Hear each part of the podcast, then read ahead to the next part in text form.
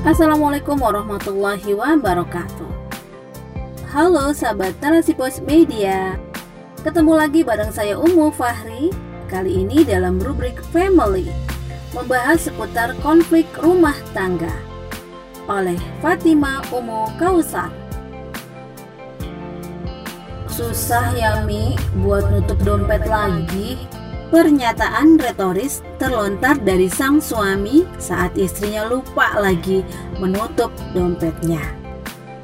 Tentu tak susah bukan? Di rumah tangga lain ada suami yang selalu lupa membereskan bekas handuknya di atas kasur. Apa susahnya jemur handuk lagi di tempatnya? Pemicu masalah kalau mau dituruti, kedua hal ini bisa jadi api yang memantik kebakaran dalam rumah tangga siapa saja. Sakit hati hingga dendam dan ngedumel dalam diam bisa saja terjadi. Sedikit demi sedikit, sakit dan tidak ridho menumpuk memicu ledakan yang besar. Apa pun bisa dipermasalahkan dalam kehidupan berumah tangga mulai dari kebiasaan pasangan menggunakan pasta gigi, menutup pintu kamar mandi, menjemur handuk, memakai bantal, keterampilannya memasak, caranya berkomunikasi, bahasa tubuhnya, dan masih banyak lagi. Semuanya bisa jadi masalah kalau memang mau dipermasalahkan. Tapi untuk apa? Agar diri diakui tersakiti. Akankah pasangan jadi lebih mengerti atau bisakah pasangan kita berubah lebih baik lagi? Bukan tak boleh mempermasalahkan semua hal di atas atau hal lainnya, asal konten dan konteks saat menyampaikannya ma'ruf, bukan menggunakan bahasa yang memancing emosi dan ego. Sebagaimana kita ketahui, kitalah yang paling tahu apa yang pasangan kita suka dan tidak suka untuk kita sampaikan. Fokus menyelesaikan masalah. Komunikasi adalah kunci bagi penyelesaian permasalahan dalam rumah tangga. Fitrah istri dan suami diciptakan berbeda, akan tetapi semuanya sama di hadapan Allah Subhanahu wa taala. Sebagai hambanya yang tengah beribadah dalam hidup rumah tangga daripada sibuk mengedepankan perbedaan, lebih baik mencari celah kesamaan agar masalah terselesaikan. Dudukan kembali posisi kita di hadapan Allah yaitu sebagai hamba yang terikat pada hukumnya. Hamba yang disatukan dalam ikatan suci pernikahan dalam rangka beribadah padanya.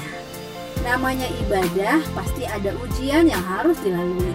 Besar kecilnya semua dari Allah.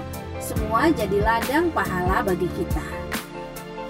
Apalah artinya dompet terbuka di tengah kesibukan istri mendidik para buah hati dan memastikan gizi keluarga tercukupi. Apalah arti kebiasaan mengeluarkan pasta gigi dibanding kesibukan suami mencari nafkah demi diri dan buah hati. Seberapa penting dan genting permasalahan handuk basah di atas kasur dibanding tubuh suami yang lelah membanting tulang mencari nafkah. Apalah dan apalah. Ingatlah nasihat Ibnu Mazin seorang mukmin itu mencari uzur alasan-alasan yang baik terhadap saudaranya. Sedangkan seorang munafik itu mencari-cari kesalahan saudaranya. Bukan tak boleh mempermasalahkan hal yang membuat kita tak nyaman atau tak suka, tapi fokuslah pada solusi, bukan malah menorehkan luka. Pikirkan kembali kata-kata yang terlontar. Pantaskah kiranya kita mempermasalahkan handuk saat suami baru saja pulang kerja dengan kondisi lelah? Bagaimana jika kita di posisinya? Apa yang akan kita rasakan? Ada mengingatkan. Ingatlah ada mengingatkan yang diajarkan oleh teladan terbaik kita. Rasulullah Shallallahu Alaihi Wasallam. Gunakan bahasa lisan yang tepat dengan bahasa tubuh yang juga tepat. Kadang masalah justru semakin memanas saat bahasa tubuh kita mengundang ego lawan bicara. Jaga desahan, jaga tatapan mata, jaga dan jaga sebagaimana pesan Allah Subhanahu wa taala kepada Nabi Musa alaihi salam dan Nabi Harun alaihi salam saat mengingatkan Firaun Dalam Quran Surat Toha ayat 44 Hendaklah kalian berdua ucapkan perkataan yang lemah lembut. Mudah-mudahan dia akan ingat atau takut kepada Allah. Pasangan kita bukan Fir'aun. Pada Fir'aun saja Allah ingatkan Nabi Musa dan Nabi Harun untuk berlemah lembut Apalagi pada pasangan kita sendiri Rasulullah pun mengingatkan kita untuk tidak mencela, sebagaimana hadis riwayat Tirmizi. Seorang mukmin bukanlah orang yang suka mencela, suka melaknat, suka bicara kotor, dan suka bicara jorok. Hindari celaan dan makian laknat apalagi bicara kotor pada orang lain, terlebih pasangan kita sendiri. Ingatkan pasangan saat kondisi sudah memungkinkan, jangan impulsif. Kalau pasangan dalam keadaan lelah, biarkan beristirahat terlebih dahulu. Ajaklah berbincang setelah lelah, lapar, dahaga sirna. Jangan lupa ingatkan bukan saat di hadapan halayak ramai, walau itu keluarganya sendiri. Jaga harga dirinya di hadapan keluarga, jangan lukai eksistensi dirinya. Kembalikan niat awal, mengingatkan agar ibadah rumah tangga ini bisa dinikmati bersama bisa mencapai sakinah, mawaddah, dan rahmah. Niatkan karena Allah saja. Semoga Allah ridhoi setiap langkah kita menjaga mahligai rumah tangga.